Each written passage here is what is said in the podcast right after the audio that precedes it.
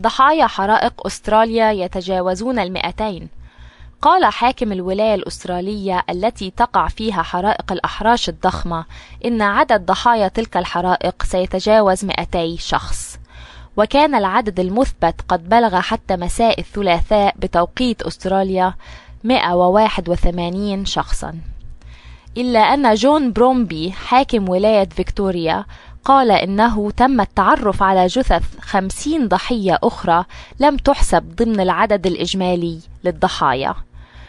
ويرجح قادة الشرطة في الولاية أن تكون تلك الحرائق قد أشعلت عمدا على يد مجهولين وأنهم واثقون بالقبض عليهم في نهاية الأمر. وقد قامت الشرطة بإغلاق عدد من مواقع الحرائق واعتبارها مسرحا للجريمة. ولا تزال فرق الإطفاء وقوات الجيش تحاول السيطرة على عشرات الحرائق المنتشرة في أنحاء الولاية. ويقول خبراء في الأرصاد الجوية إن انخفاض درجات الحرارة المتوقع سيسهم جزئيا في السيطرة عليها. ووصلت المساحات التي تأثرت بهذه الحرائق إلى أكثر من ثلاثة آلاف كيلومتر مربع. ففي ولاية فيكتوريا ما زال هناك أكثر من ثلاثين حريقا تحاول فرق الإطفاء السيطرة عليها.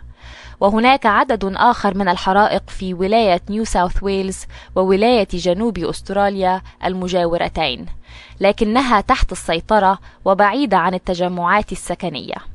وقد أعلن رئيس الوزراء الأسترالي كيفن رود عن تخصيص سبعة ملايين دولار أمريكي لضحايا الحرائق مؤكدا أن قوات الجيش ستساهم في جهود الإنقاذ.